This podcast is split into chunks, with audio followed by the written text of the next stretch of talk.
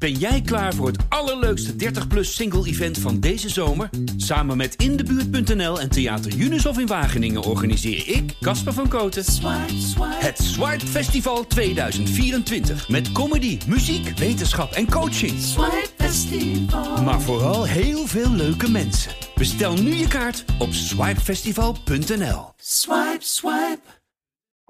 In december 2020 wordt het dorpje Halsteren opgeschrikt door een plotseling overlijden. Dat was echt een donderslag bij heldere hemel. De dood van geliefd supermarktondernemer Chris Ginwis. Chris is dood. Ik zeg, Chris is dood. Ah joh, dat kan niet. Al snel vinden mensen in het dorp en de politie de omstandigheden verdacht. Ze denken dat Chris vergiftigd is door zijn kerstverse vriendin Yvonne K. Als de politie gelijk heeft, althans wat zij denken dat er is gebeurd, dan heeft hij wel zeg maar uh, de duivel binnengehaald. Ze zou uit zijn op zijn erfenis. Als het klopt, hè? hè dan, uh, ja, een engel des doods. Maar het politieonderzoek heeft een valse start. En Yvonne ontkent in alle toonaarden.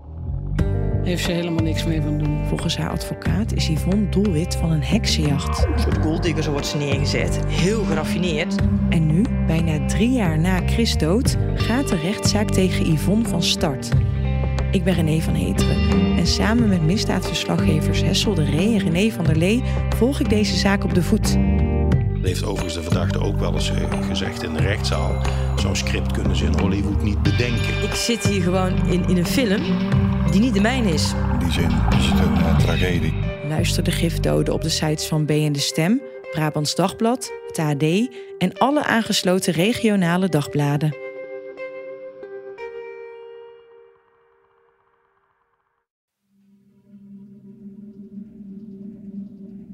De verdenking is dat ondernemers een heel specifieke partij met financiële middelen hebben geholpen. Dat mag, maar dat er vervolgens iets voor terugkomt. Want dan wordt het een strafbare vorm van corruptie. Dat is een juridische kwestie, dat is geen politieke kwestie. Acht verdachten, 15.000 pagina's strafdossier, tientallen getuigen en één klankbordgroep met bevriende ondernemers. Maar zijn deze donateurs van de Mos slechts onschuldige meedenkers? Of vormen ze inderdaad een criminele organisatie? Corruptie. Door de politieke heksenjacht ben ik inmiddels alles kwijtgeraakt. Tuurlijk, maar hun begrijpen ons niet. Dat is het probleem.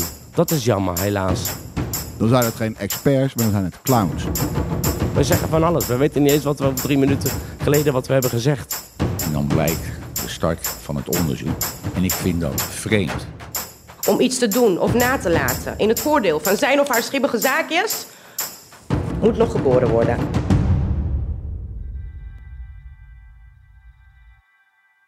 Wij zijn hier de burgemeester en wethouder van dienst geweest. Ik heb nu een verwachting van hem. We hebben hem ook financieel gesteund. We hebben echt iemand nodig bij de gemeente, anders lopen we steeds tegen de muur aan. Het is rumoerig geworden met dat subsidiedinges. Ik dacht dat wij daar onze man hadden. Rachid en Richard zijn in onze handen.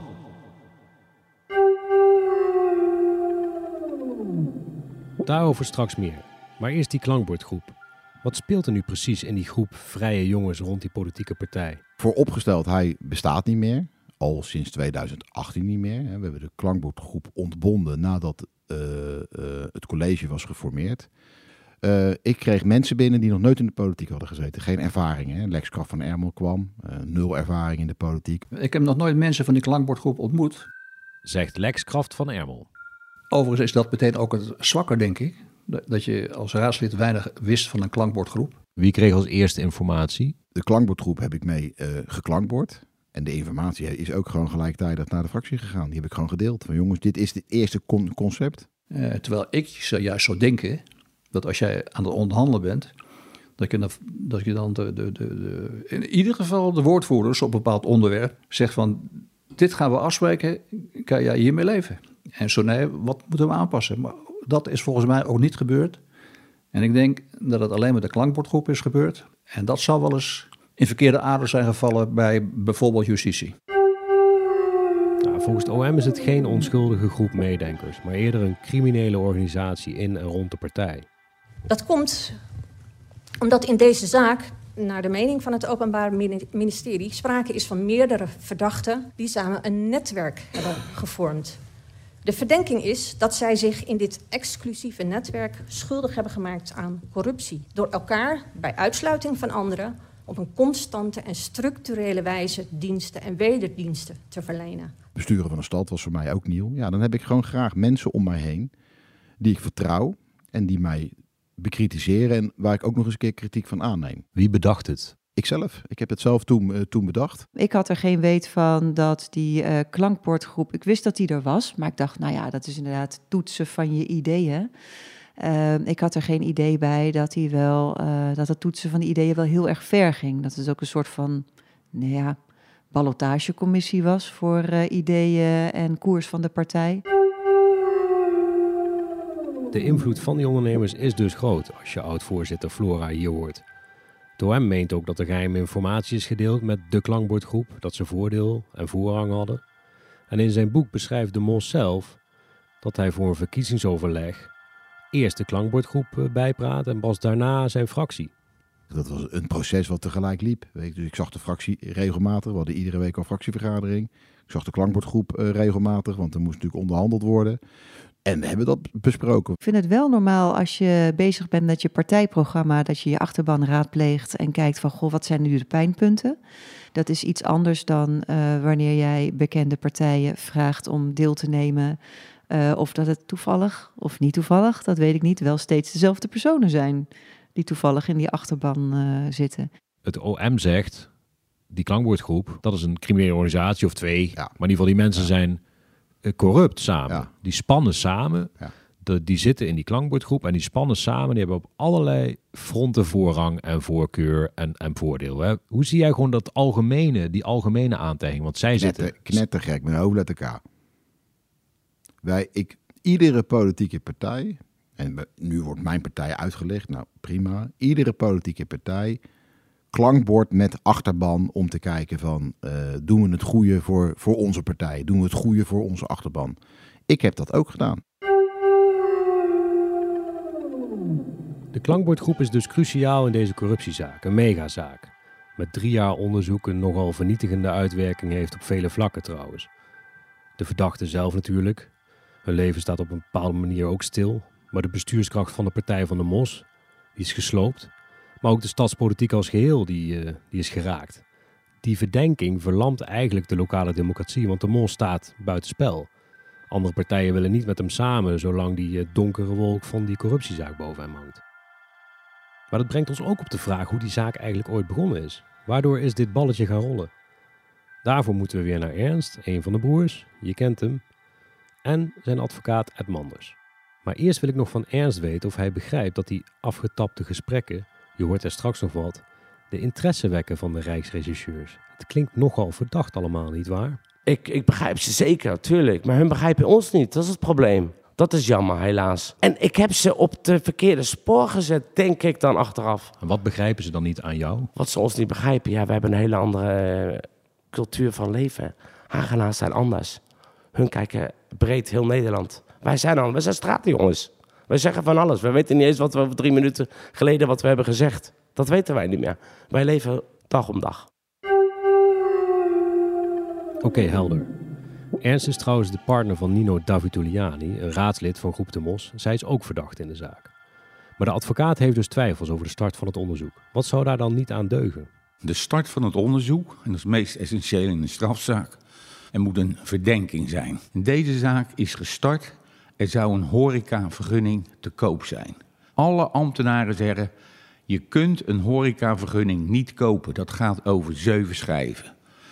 En toch is deze zaak zo gestart bij een ambtenaar van de Bibop. Die gaat met een horeca-adviseur erover praten. En dan heeft die Bibop-ambtenaar, schrijft aan zijn directe chef op 19 september... De spil is Nino, van partij De Mos. Haar partij is gekocht en zij kan de vergunningen regelen. En dat stuurt hij naar zijn chef. En die chef stuurt het naar de politie. En dan blijkt de start van het onderzoek. En ik vind dat vreemd. En dan is mijn vraag: waarom stuurt deze ambtenaar dit door naar zijn chef? En ik sluit niet uit dat deze ambtenaar is gestuurd om de zaak panklaar te maken voor justitie. Dit klinkt een beetje als één groot politiek complot van de gevestigde orde om de mos te slopen, als je de advocaat Manders hier hoort. In de voorbereiding de regiezitting probeerde hij dit ook al aan te kaarten bij de rechter. Maar zo zou de Rijksrecherche door politiek Den Haag voor het karretje gespannen kunnen zijn. Maar die leek er niet erg vatbaar voor. Ook het Openbaar Ministerie wil trouwens niks weten van een politiek gestuurd proces. Nee, dit is geen politiek proces. Het onderzoek is gestart naar aanleiding van meldingen van gesjoemel met horecavergunningen door een onbekende ambtenaar. Dit onderzoek leidde tot het afluisteren van de gebroeders Akjol. De door deze heren gevoerde gesprekken leidden tot bijzondere bevindingen, waarop besloten is ook de mos af te luisteren. En zo is dat balletje gaan rollen. Het onderzoek wat we nu kennen als de Haagse corruptieaffaire begint volgens het OM met de tip dat vergunningen in de stad Den Haag onder de tafel te koop zijn voor 15.000 euro via Groep de Mos. Ernst en zijn vriendin Nino zouden de speelfiguren zijn bij deze vergunningendeal. Nino komt in aanloop naar de verkiezingen vrij plotseling op de kieslijst van de partij. En volgens het OM is zij daar zelfs geplant door Ernst en zijn broer Attila. Haar plek zou gekocht zijn, menen de aanklagers. Dan zou het zo zijn dat het Salencentrum de Mos financierde, hè, geld doneerde aan de partij. En in daarvoor mocht Nino dan in de gemeenteraad komen. Straks hoor je Nino zelf, die daar in de rechtbank op reageert. Maar wat vindt haar vriend Ernst van die beschuldiging? Ja, dat is klaar onzin. Gekocht. Waarom moet ik dan zo mijn best doen om stemmen te regelen dan, als dat gekocht is? Kom zeg. Zo is zij ook niet. Zo wil zij ook niet in de partij komen. Dan ben je ook niet goed bij je hoofd. Omgekocht. Voor wat? Iets wat je niet kan, wil je erin gezet worden. Ze wordt geen prinses. Het is woestmakend en tegelijkertijd zieltogend om hiervan beticht te worden. Ik werp deze beschuldiging dan ook verre van me af. Dat zegt Nino Davutiliani dus zelf tijdens de regiezitting in de rechtbank van Rotterdam. En diegene die mij iets kan opleggen, dan wel ertoe kan bewegen om iets te doen of na te laten in het voordeel van zijn of haar schibbige zaakjes, moet nog geboren worden. Maar het OM schildert een heel ander beeld. De broers van het Salencentrum sponsoren voor tienduizenden euro's aan de partijkas en hebben een dikke vinger in de pap bij plannen, zoals die nachtvergunningen, maar ook bij kandidaten, zoals Nino. Luister maar even mee naar de officier van justitie als zij opsomt wat er corrupt zou zijn aan hun relatie. Dat zij tegenover die akjols niet meer zo neutraal en zo vrij en onbevooroordeeld konden zijn bij het nemen van beslissingen. Het geven van een voorkeursbehandeling aan die akjols. Het begunstigen van uh, de gebroeders. Het verstrekken en delen van geheime en vertrouwelijke en concurrentiegevoelige informatie. En invloed uitoefenen op het huisvestings-, woningsbouw- en vergunningenbeleid van de gemeente Den Haag. En ook hier het aanwezig zijn bij, door of namens de gebroeders. Uh, georganiseerde ontmoetingen of besprekingen met betrekking tot de zakelijke belangen van die akjols.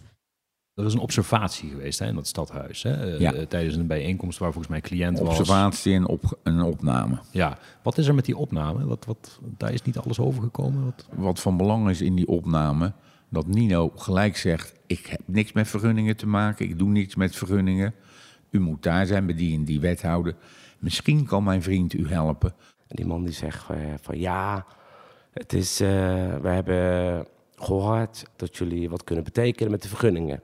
Voor 15.000 euro bleek later, achteraf hebben we het gehoord, dat je vergunningen kan kopen. En het allerbelangrijkste is, er wordt niet over geld gesproken. Het bedrag van 15.000 euro, waar eh, de Bibel-medewerker het over had... en de horeca-medewerker, wordt totaal niet genoemd. Nou, dan gaan we even een berekening maken.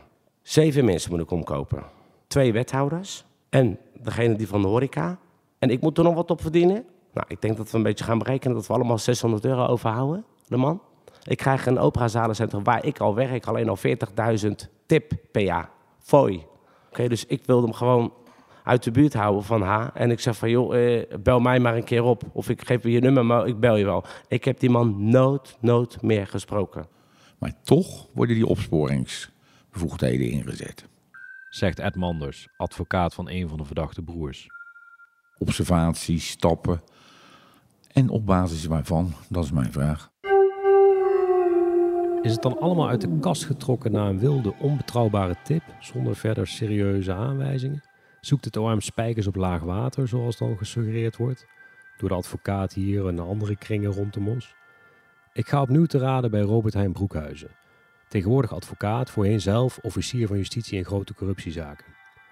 Je hoorde hem in eerdere afleveringen al. En ik zeg het nog maar even, net als ieder ander kan hij niet vooruitlopen op de rechtszaak die komt. Hij kan niet voorspellen of de mos en anderen onschuldig zijn. Wel weet hij hoe dit soort onderzoek in het verleden gingen en hoe het OM te werk gaat in zulke zaken. Nou, het Openbaar Ministerie moet natuurlijk maatschappelijke afwegingen maken bij een, uh, elke beslissing die zij neemt. De afwegingen die je maakt als je een politicus gaat vervolgen, ja, dat zijn vele afwegingen. En daar wordt ook door heel veel lagen binnen het Openbaar Ministerie over meegedacht. En die moeten allemaal meedenken of dit nou een zaak is die het Openbaar Ministerie zou moeten doen. En als dan echter alleen uh, dat die beslissing genomen is, ja, dan kan de officier ook uh, full pull vooruit. Ja, want dan is er geen weg meer terug. Er wordt niet dan tussentijds nog bedacht, uh, misschien hadden we dat toch maar niet moeten doen. De rest van de geschiedenis is bekend. Het OM neemt inderdaad geen gas terug in deze zaak.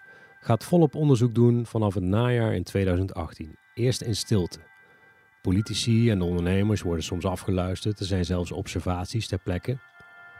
En op 1 oktober barst dus uh, publiekelijk de bom in 2019 met die invallen bij de politici thuis en ondernemers op het stadhuis.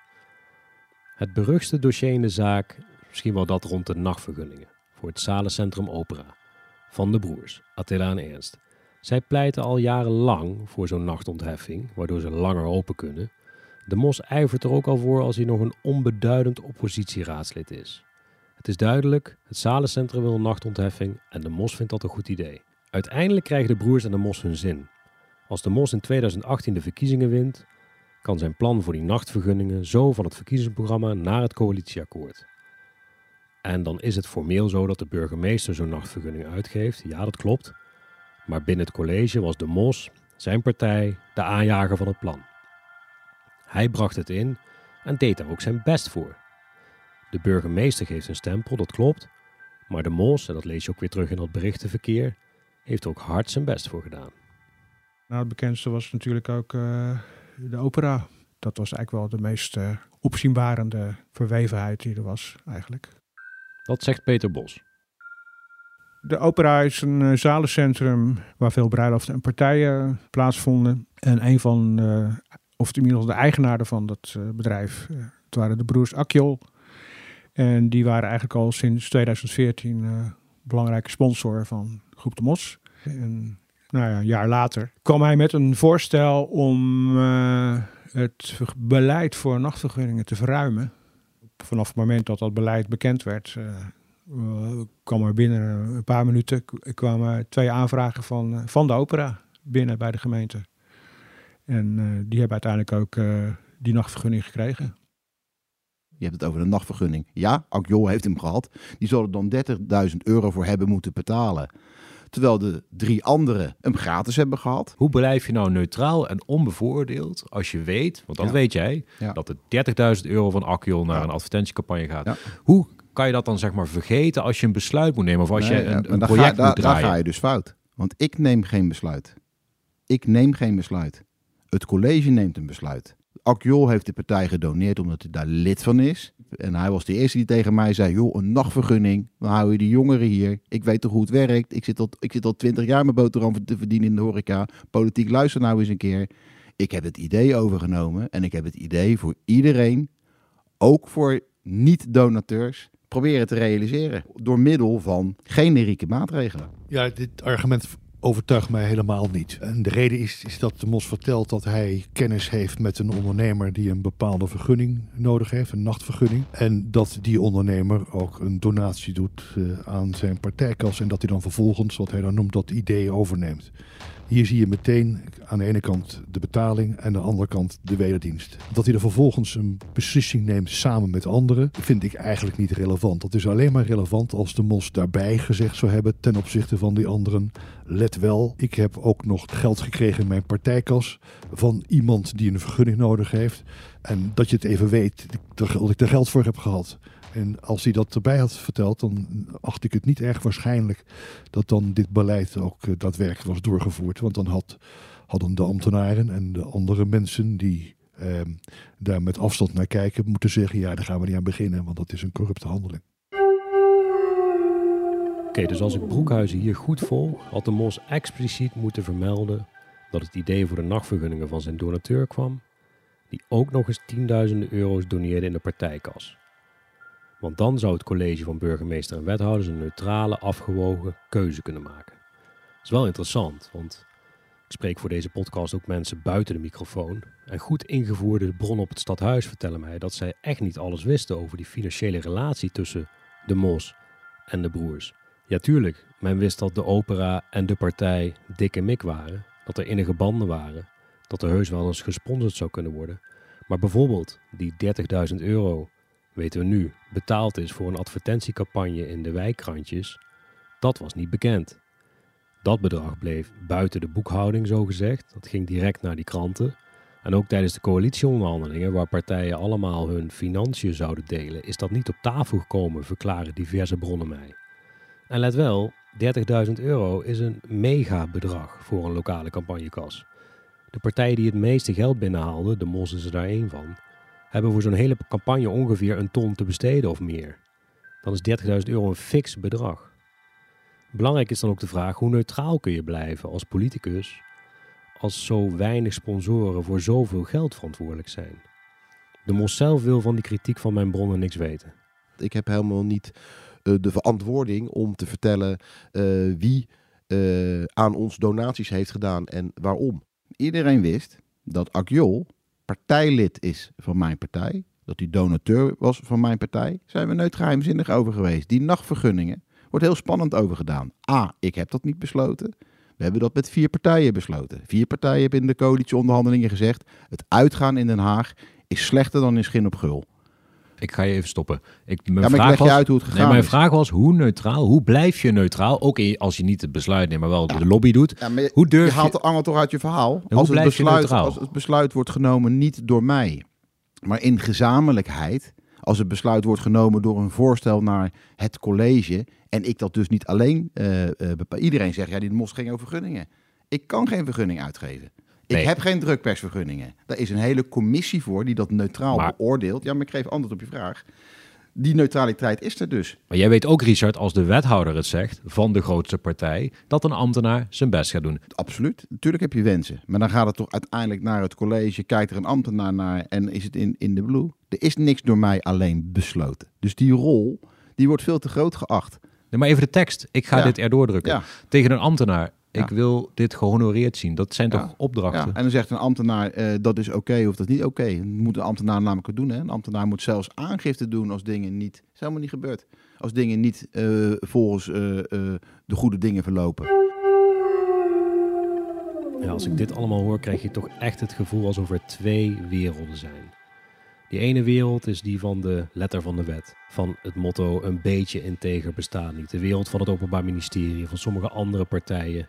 Met integriteitsbrochures en cursusmiddagen. Hoe vermijd ik de schijn van belangenverstrengeling? En de andere wereld is die van Richard de Mos. Waar gewoon hard gewerkt wordt. Dingen geregeld worden. Met vertrouwen op elkaars blauwe ogen. Een wereld waar de oude, ingedutte Haagse morens op het stadhuis opgeschud worden. Met dadendrang en bluff. En in de wereld van de mos betekent integriteit vooral dicht bij mensen en ondernemers staan. Je best doen als politicus. En dat wens je natuurlijk iedere volksvertegenwoordiger toe. Dat is ook de charme. De vraag is alleen, wanneer wordt die ombudspolitiek nou strafbare vriendjespolitiek? Maar dat die twee werelden hier botsen, is echt wel duidelijk. Luister maar eens naar expert Robert Hein Broekhuizen. En daarna hoor je weer de mos. Duidelijk is dat deze ondernemer onmiddellijk voordeel heeft bij het beleid dat de MOS voorstaat. Ja, dat zijn dus experts die nog nooit in de politiek gewerkt hebben. Die nog nooit een volksvertegenwoordigende functie hebben gehad. Hoe kan je nou het volk vertegenwoordigen? En daarbij dus ook ondernemers. Is gewoon voor mij is een ondernemer ook onderdeel van het volk. Hè? Als je niet met ondernemers praat. En als je geen ideeën van ondernemers omarmt. Dan zijn het geen experts, maar dan zijn het clowns. En andere woorden heb ik het niet voor. Maar dat voortrekken en die nachtvergunningen, dat zijn niet de enige verdenkingen als het over de Mos en de broers van het Zadencentrum gaat. Dat zij als ambtenaar giften, beloften en diensten hebben aangenomen of gevraagd. Het gaat dan om de betaling door de gebroeders Akjol van facturen voor advertenties in lokale kranten en de kosten voor de aanschaf en reparatie van een campagnebus. Het gaat vervolgens om de medefinanciering van de verkiezingsbijeenkomsten van Groep de Mos, het verwerven van stempassen en volmachtbewijzen voor het verkrijgen van stemmen bij de Haagse gemeenteraadsverkiezingen. En in dit geval uh, was hetgeen ze daarvoor deden, uh, wederom hè, het laten ontstaan en in stand houden en onderhouden van een zodanige relatie tussen hen enerzijds en uh, de gebroeders Akjol anderzijds. Ik heb gemerkt dat OM niet zo heel veel kaas gegeten heeft van van, politiek, uh, van de politieke morgens, hoe, hoe het werkt. Want het is namelijk zo dat je gewoon mensen belt. Dat gangbare in de politiek, het lobbyen, het is gangbaar. Donaties zijn in de politiek een gewoonte. Want natuurlijk ga je op pad, tenminste ik wel als volksvertegenwoordiger, en ik zal het ook niet anders willen doen, ik zal het niet anders kunnen doen. Natuurlijk ga je op pad om informatie op te houden. Want ik ben maar een simpele volksvertegenwoordiger. Ik weet heel weinig van hoe je een horecabedrijf runt. Draait deze zaak dan misschien toch om de door de MOS zogenoemde ombudspolitiek? Wij zullen de vraag waarom er naar de mening van het OM sprake is van strafbare corruptie en niet van ombudspolitiek, wat dat ook mogen zijn, beantwoorden op de inhoudelijke zitting. Dank u wel, mevrouw de officier van justitie, voor uw uh, uiteenzetting. Zou het zo kunnen zijn, Richard, dat deze ondernemers misbruik hebben gemaakt van jouw welwillende klankbordschap? Nee. Laat ik Attila Akjol als voorbeeld nemen. Hij heeft een heel had. Hij heeft moeten verkopen door, die, door al deze ellende. Uh, opera is niet meer van hem. Door deze onterechte beschuldiging, door de politieke heksenjacht, ben ik inmiddels alles kwijtgeraakt. En heb ik mijn zalencentrum noodgedwongen moeten verkopen.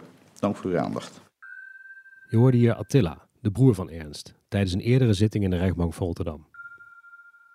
Uh, hij had een heel goed lopend zalencentrum. Daar verdiende hij bakken, maar dan ook echt bakken met geld mee, heeft hij me verteld. Denk je nou echt dat hij dat bedrijf op spel gaat zetten voor een nachtvergunning wat leuk is erbij? Hij heeft toch voordeel gehad bij jullie relatie? De vergunning is gesplitst ja, in twee vergunningen. Ja, welkom in, in het leven, Niels. Iedereen die ieder, iemand kent, heeft voordeel of nadeel met iemand. Zo werkt het leven. Strafbaar. Ieder, nee, kan strafbaar zijn. Ja, dat, dat, dat, dat, ziet het OM zo. Het OM gaat bakcel halen, want er komt gewoon vrijspraak. Het hele leven werkt dat je mensen kent, dat je ideeën van mensen aanhoort, dat je goede ideeën van mensen overneemt. En als politicus luister je, kijk je en probeer je als volksvertegenwoordiger het goede te doen voor de stad. Het OM ziet een politicus die danst naar de pijpen van een donateur met commerciële belangen. De Mos beschouwt het gewoon als zijn werk om dicht bij deze ondernemers te staan, te helpen als het kan. En ja, dat ze toevallig ook nog eens tienduizenden euro sponsoren aan zijn partij maakt voor hem dan niks uit, zegt hij. Maar mag een wethouder dan inderdaad geen vrienden meer hebben? Klonk het bijna emotioneel in die rechtbank van Rotterdam vorig jaar. En dan de vriendschap met mijn Turkse kameraad Attila Akjol. Een schandvlek op mijn integriteit. Er bleek een klik te ontstaan tussen twee mensen. Tussen een oud PVV'er en een Turkse Hagenaar. Hoe mooi is dat? Wat natuurlijk in dit geval het moeilijk maakt, is dat het gaat om een politieke partij. Hier wordt uh, geld betaald aan de politieke partij van meneer De Mos. En dan is natuurlijk de vraag of bij die betaling De Mos ervan uit mocht of moest gaan dat tegenover die betaling wat, uh, wat anders zou staan. Namelijk dat iets van hem zou worden verlangd wat eigenlijk strijdig is met datgene waarvoor hij als ambtenaar zou staan. En, en dat zal hier wel uh, centraal komen te staan in, uh, in deze zaak. Ruim drie jaar onderzoek door de Rijksrecherche levert natuurlijk een megadossier op. Inclusief uiterst interessante informatie over hoe deze ondernemers en politici met elkaar omgaan, met elkaar communiceren. Hoe die wereld van de mos eruit ziet. En bijzonder tijdens deze zoektocht voor de podcast krijg ik ook de kans om wat van die informatie te bekijken. En dat biedt een onthullende inkijk in de denkwereld van de partij. Luister me even mee. Neem bijvoorbeeld dit gesprek van Ernst, een van de broers, in december 2018 tegen een onbekende andere persoon volgens het dossierstuk. Hij zegt: We zijn hier de burgemeester en wethouder van dienst geweest. Ik heb nu een verwachting van hem. Even later. We hebben hem ook financieel gesteund. Of een appje dat Ernst stuurt naar een ander persoon begin 2018. We hebben echt iemand nodig bij de gemeente, anders lopen we steeds tegen de muur aan. Bekend was al dat hij een keer gemeld had: Rachid en Richard zijn in onze handen. Dat ligt er ook niet om natuurlijk. Of neem telefoongesprek in maart 2019 tussen Ernst, een van de broers, en de voorzitter van een vereniging die nog een subsidie wil van de wethouders van Groep de Mos. Die voorzitter zegt: Het is rumoerig geworden met dat subsidiedinges. Ik dacht dat wij daar onze man hadden. En Ernst belooft dan: We praten daar morgen over. Ik ga morgen Rachid en Richard in jouw bijzijn bellen. Ja, dat ligt er niet om, maar hoe ziet Ernst dit zelf? Ja, dat is een beetje overdrijven, joh. Een beetje interessant toen. Van uh, jongens, jullie hebben gestemd en als jullie een probleempje hebben, dan kan je bij mij terecht. Hè? Stem nou maar en dan zien we het daarna wel. Dat is gewoon puur uh, Haags. Natuurlijk ook appjes en belletjes van uh, Richard de Mos maken onderdeel uit van het dossier. En daar moet bij gezegd worden, Richard heeft zijn telefoon zelf van het wachtwoord gehaald. Hij heeft ook zelf gezegd, pak mijn spullen maar en lees alles uit. Dat maakt natuurlijk ook onderdeel uit van het dossier. Wat mij opvalt als ik aan het lezen ben, is zijn trotse en toch wel intense lobby voor die nachtvergunningen. Hij deelt met zijn donateur hoe hij de burgemeester Krikke overtuigde. Richard zegt dan op enig moment: Toen heb ik tegen de burgemeester gezegd: Ik wil gewoon die nachtontheffing, geen pilot en die wil ik meteen voor tien jaar hebben. Toen zei ze: Dat is goed. Nou ja, uh, er wordt met uh, haha en top op gereageerd door de donateur. En Richard zegt: Ja, anders had je maar voor één jaar die uh, vergunning gehad en nu heb je gewoon hup, tien jaar die vergunning in je binnenzak.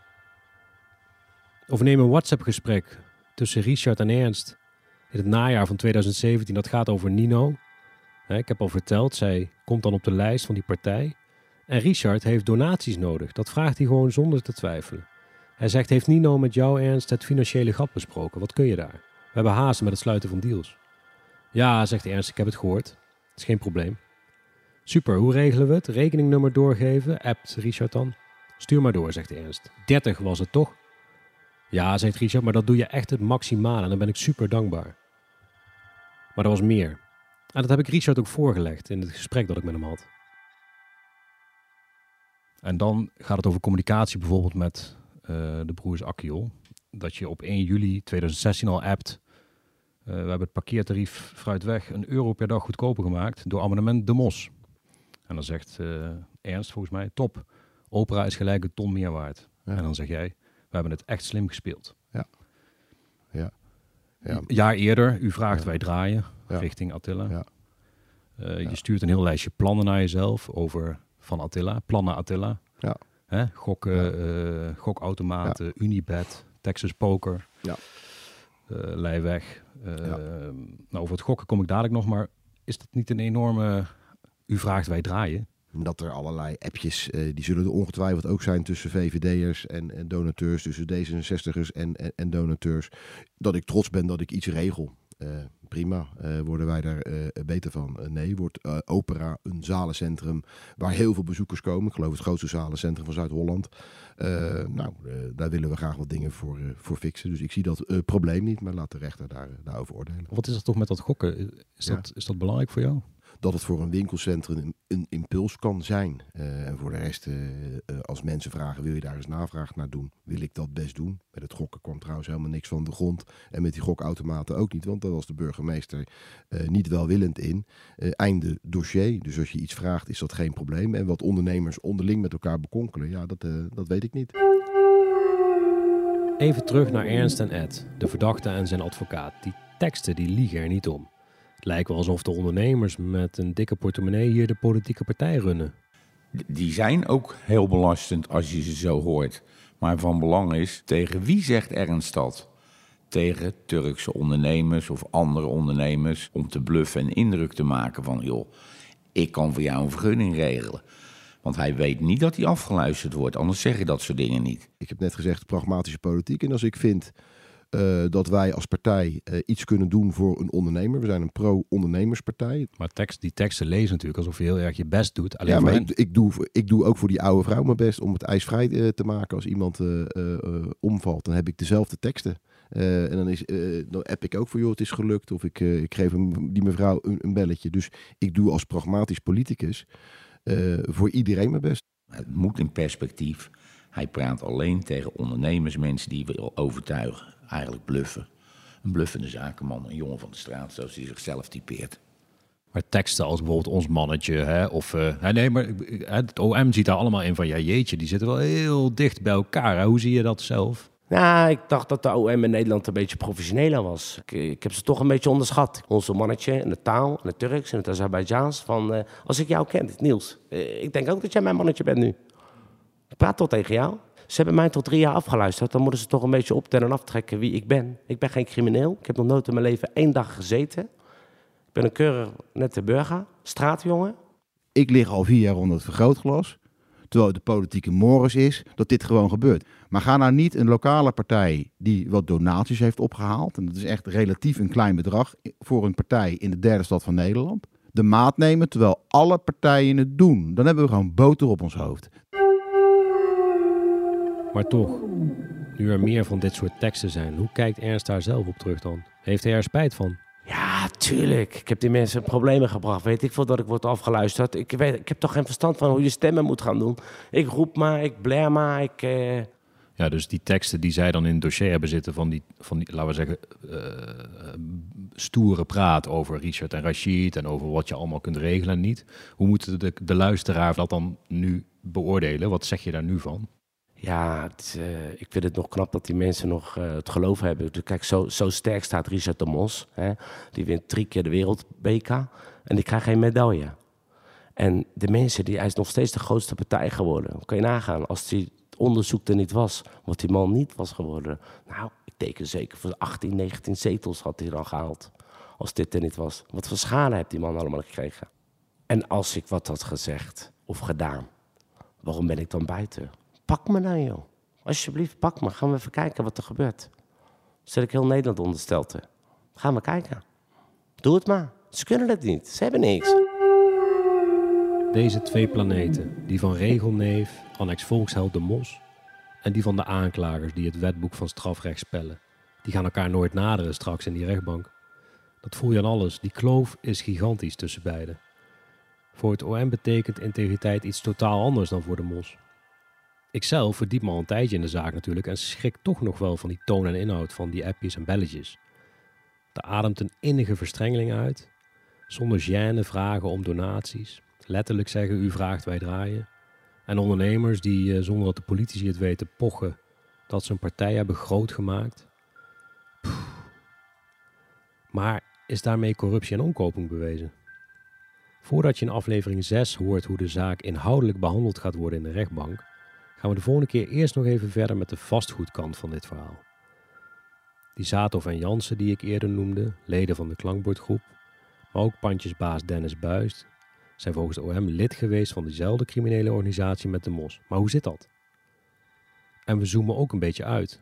Hoe heeft het überhaupt zo kunnen lopen in en rond die partij terwijl er al jaren kritiek was? Terwijl men wel degelijk wist van enige vriendschap met deze ondernemers, niet allemaal misschien. Maar waar was de rest dan? Wat deden de andere wethouders, de raadsleden en de burgemeester van destijds? Jullie hebben niet half geweten wat voor kleren zo het op het stadhuis was. Ik vind het schandalig. En een ander woord heb ik er echt niet voor. Edwin Jansen, die eh, vond het een klootzak. Daar hadden we wel wat vraagtekens bij. Of dat wel helemaal zuivere koffie was. Dan heb je eigenlijk al een omkoping. Het was een burgemeester die een eigen agendaatje had. Dus iedereen deed maar wat. Wil je meer weten over de corruptieaffaire, de hoofdpersonen, de rechtszaak? Kijk dan even in de show notes voor artikelen hierover. Dit is een podcast van ADAX Courant, het AD en de aangesloten regionale dagbladen. Ik ben Niels Klaassen. Muziek, montage en sounddesign is in handen van Cheert Mouthaan van Audio Maestro. Eindredactie Robin Rotman, met dank aan Kevin Goes. Wil je meer weten van de methode De Mos? Abonneer je dan op deze podcast, like hem en laat een recensie achter.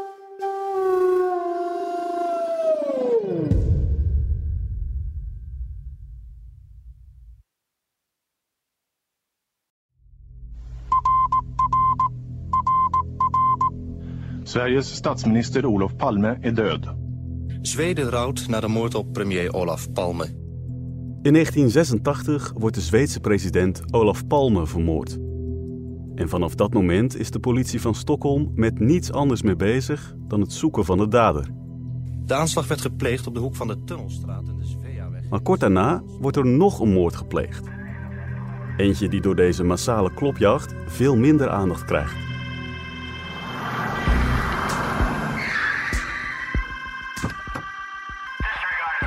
Het is een moord in huiselijke kring, ergens in een buitenwijk van Stockholm.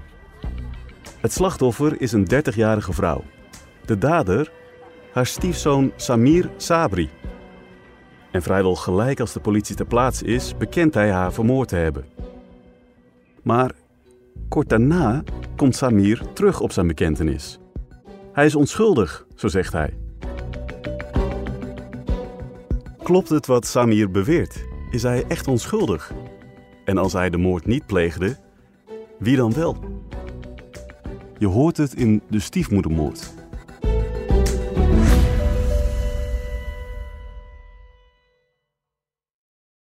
Ben jij klaar voor het allerleukste 30-plus single-event van deze zomer? Samen met Indebuurt.nl en Theater Junushof in Wageningen organiseer ik, Casper van Koten, het Swipe Festival 2024. Met comedy, muziek, wetenschap en coaching. Swipe Festival. Maar vooral heel veel leuke mensen. Bestel nu je kaart op swipefestival.nl. Swipe, swipe.